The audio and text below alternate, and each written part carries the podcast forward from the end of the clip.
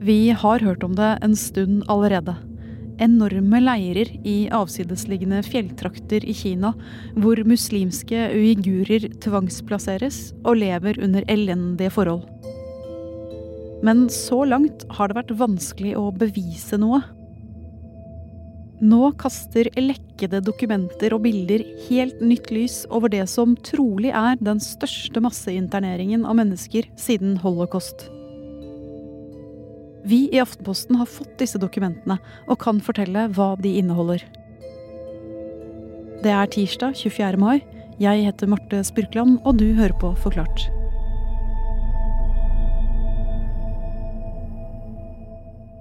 I 2018 sto 39 år gamle Ovalbek Tordakon foran en dør i en fangeleir. Og i den døren foran ham så var det fem låser. Nå ble de låst opp én etter én, og da døren åpnet seg, så var det bare på gløtt. Og han 39-åringen ble nesten skvist gjennom denne glippen og inn i en celle. Og der inne, der ventet det 23 andre innsatte. Den som forteller her, er Kristoffer Rønneberg. Han er utenriksjournalist og har de siste ukene gått gjennom en drøss med lekkede dokumenter fra Kina. Der har han sett flere skjebner som minner om Tordakons. Cellen han ble ført inn i, var et rom som var altfor lite til 24 fanger. De måtte dele på én seng og ett åpent toalett. Og på veggen hang et overvåkningskamera som fulgte med på alt som skjedde i rommet. Inni denne cellen så fikk ikke fangene lov til å snakke med hverandre. Hvis en av dem gjorde noe galt, så ble alle sammen straffet. Og den straffen det var gjerne juling, altså at de ble banket opp. Og hver eneste dag så måtte de synge sanger som lovpriset kinesiske myndigheter før de i det hele tatt fikk lov til å spise frokost. Og Trudakon, altså denne 39-åringen, han visste ikke hvorfor han var der. Det eneste han visste, det var at myndighetene hadde kommet til huset hans tidlig den februardagen i 2018 og tatt ham med seg til denne leiren. Og hva han var mistenkt for, det sa de ikke noe om. Tordakon var heldig. Etter ti måneder i leiren ble han løslatt og plassert i husarrest. Etter hvert klarte han å komme seg til Kirgisistan, og så videre til USA. Fire år etter at han ble internert, fikk han vite grunnen. Han var gift med en kirgisisk kvinne, og han viste ikke nok patriotisme overfor Kina. Men selv om historier som Tordakons har blitt fortalt de siste årene, har kinesiske myndigheter nektet for at de gjør noe galt i leirene i Xinjiang-regionen. Første gang vi hørte om disse leirene, det var i 2017. Og da nektet kinesiske myndigheter for at de overhodet fantes. Men etter hvert så fikk vi satellittbilder og annen dokumentasjon som viste at det var noe der. Og da, da innrømmet de det at det fantes leirer, men de kalte det utdanningssentre eh, som skulle gi minoritetsbefolkningen en slags voksenopplæring. Eh, for å få dem vekk fra tanker om separatisme og, og andre ting som kunne skape uro i, i samfunnet. For helt siden 11. september-angrepene i USA i 2001 så har kinesiske myndigheter inkludert uh, uigurske opprørsgrupper i den såkalte internasjonale kampen mot, uh, mot terror. Og det, disse tiltakene de ble trappet kraftig opp etter uh, 2014. Og målet da, ifølge interne dokumenter som vi har sett før, det var å Og nå bruker jeg anførselstegn i lufta. Det var å vaske hjernene til folk som kunne stille seg opp mot partiets linje. Og, og denne hjernevaskingen den har pågått i hundrevis av leirer rundt om i hele denne Xinjiang-regionen. Det som offentliggjøres i dag, er altså en stor lekkasje med helt nytt materiale og bilder fra innsiden av leirene som viser noe helt annet enn det kinesiske myndigheter forteller. Kristoffer, hvor viktig er denne avsløringen? Dette er en kjempeviktig avsløring. Kanskje en av de største vi har sett fra Xinjiang-regionen. Og noe av det som gjør det så oppsiktsvekkende, det er at vi kommer rett og slett på innsiden av leirene. Hvordan har denne informasjonen kommet ut? Dokumentene, altså det er flere tusen av dem, eh, de er hacket rett og slett fra serverne ved to politidistrikter i Xinjiang. Og så er det gitt videre til en tysk forsker som heter Adrian Sens. Han har jobbet i flere år nå med tilsvarende lekkasjer og, og dokumentsamlinger fra, fra regionen.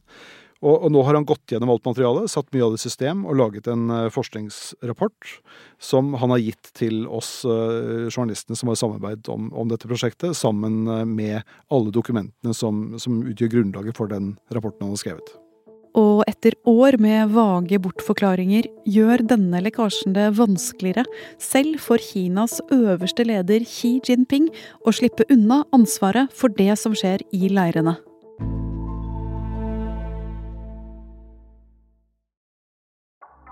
Se for deg et passbilde av en mann.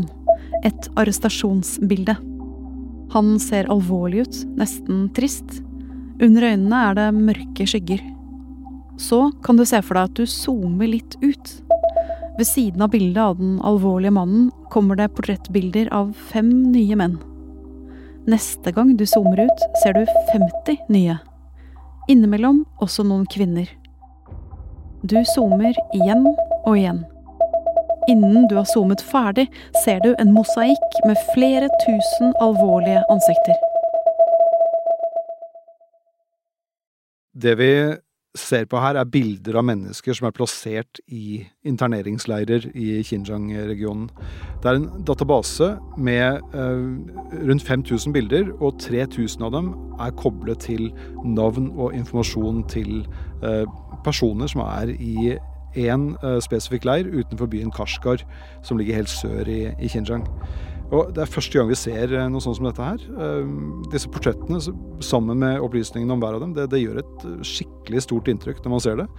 Mange av dem er jo tatt til fange for ting som ville vært helt urimelig i, et, i en fungerende rettsstat. Altså Dette er folk som er i, i, leirene fordi de har lest feil bok, de har lastet ned feil app eller snakket med feil person. Det er helt vanlige folk, som, som deg og meg. Og disse portrettene og personoppløsningene, er det det viktigste som kommer fram i denne lekkasjen fra det kinesiske politiet? Ja, det er noe av det viktigste, i hvert fall. Det er også andre unike bilder i dette materialet. Altså, for første gang så får vi f.eks. se bilder fra innsiden av leirene. Og, og, disse bildene forteller en helt annen historie enn at dette skulle være en form for eh, voksenopplæring eller, eller skole. I stedet så ser det ut som det er eh, ganske brutale, militariserte fengsler, der, eh, der vaktene er utstyrt med automatvåpen og, og andre metoder for å, for å, slå ned på, på fangene. Og så en annen ting, det er at med databasen som ligger her, så, så vil mange uigurer i utlandet få en mulighet til å vite hva som har skjedd med, med familie og venner hjemme i, i Xinjiang-regionen. I hvert fall de som ble plassert i, denne, i, i leiren i denne ene kommunen. Eh, I de fleste tilfeller så var det jo bare sånn at folk forsvant, og man hørte ikke noe fra dem. Eh, og, og nå vil det være mange familiemedlemmer som, som, får svar på en del av de ubesvarte spørsmålene de har hatt. da. Og det er klart at eh, Disse svarene er kanskje ikke så hyggelige, men, men det er for mer enn hva de hadde.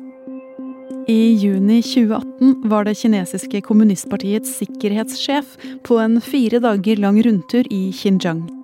Zhao Kuzhe er en av Kinas mektigste menn, og på rundturens siste dag gikk han på en talerstol og snakket om det store problemet religiøs ekstremisme.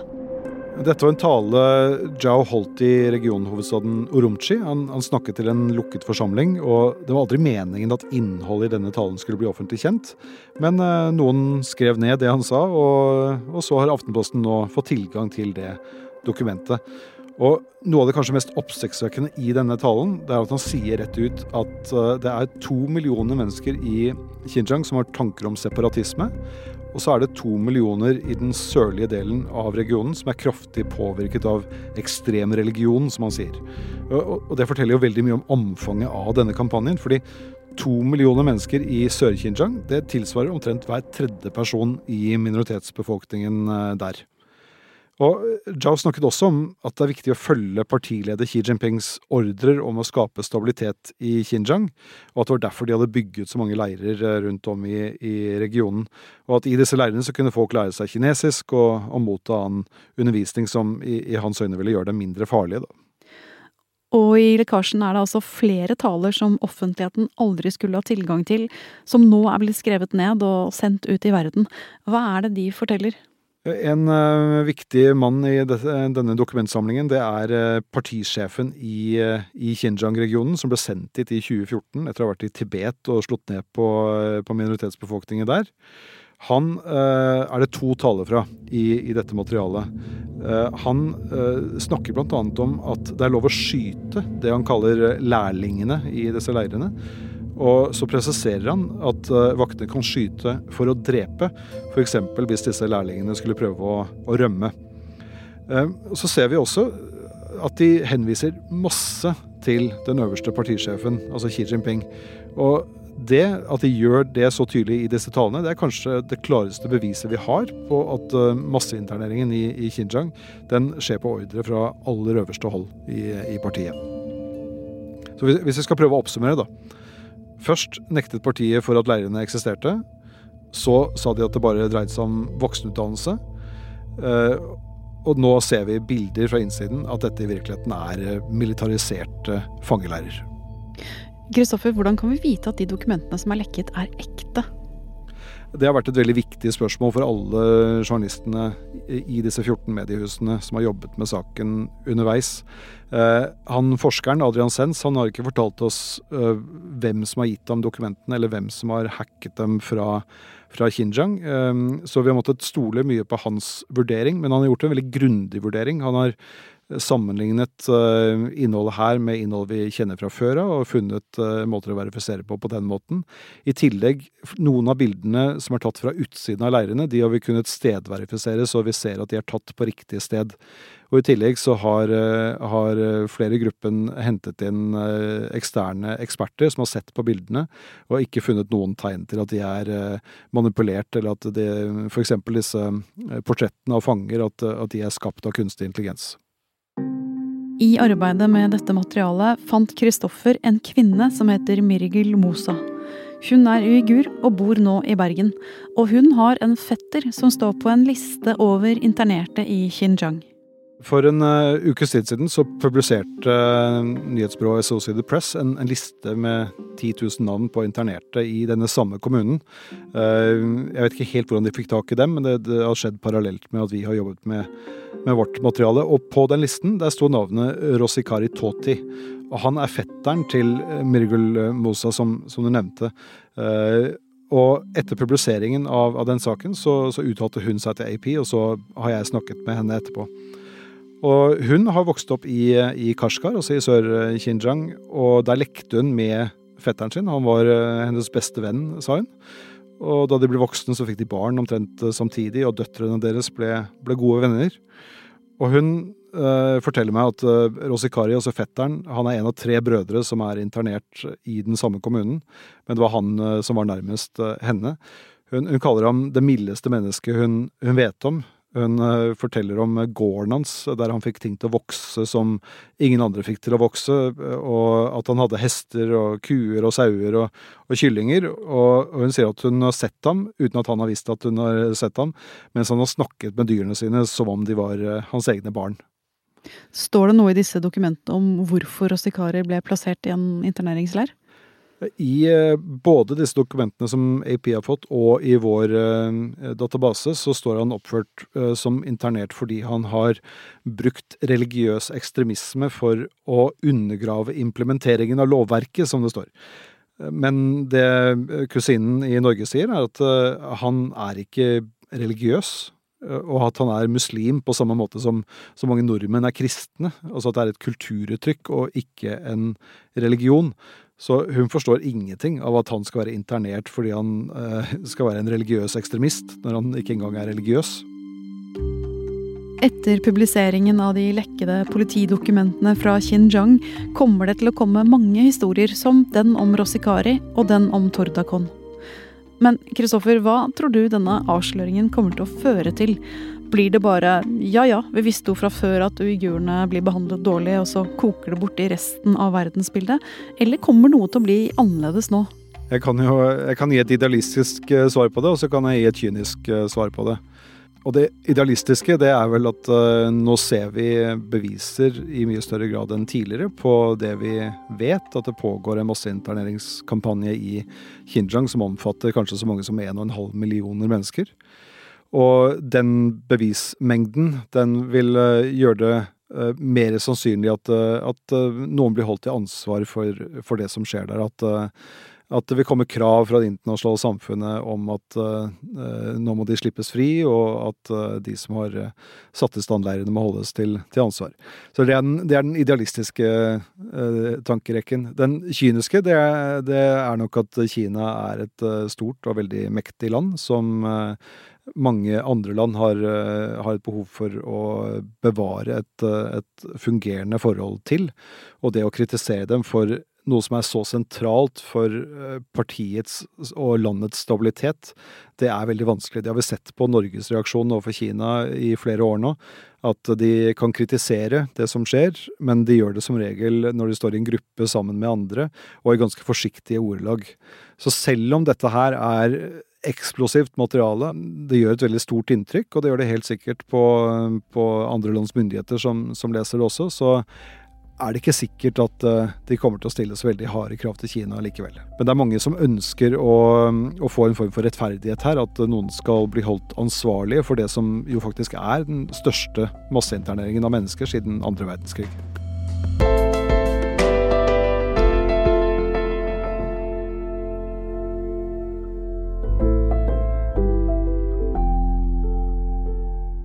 Det var Kristoffer Rønneberg som tok oss gjennom dokumentlekkasjen fra Xinjiang. Episoden er laget av produsent David Vekoni og meg, Marte Spurkland. Resten av Forklart er Anne Lindholm, Synne Søhol, Fride Næss Nonstad og Anders Weberg.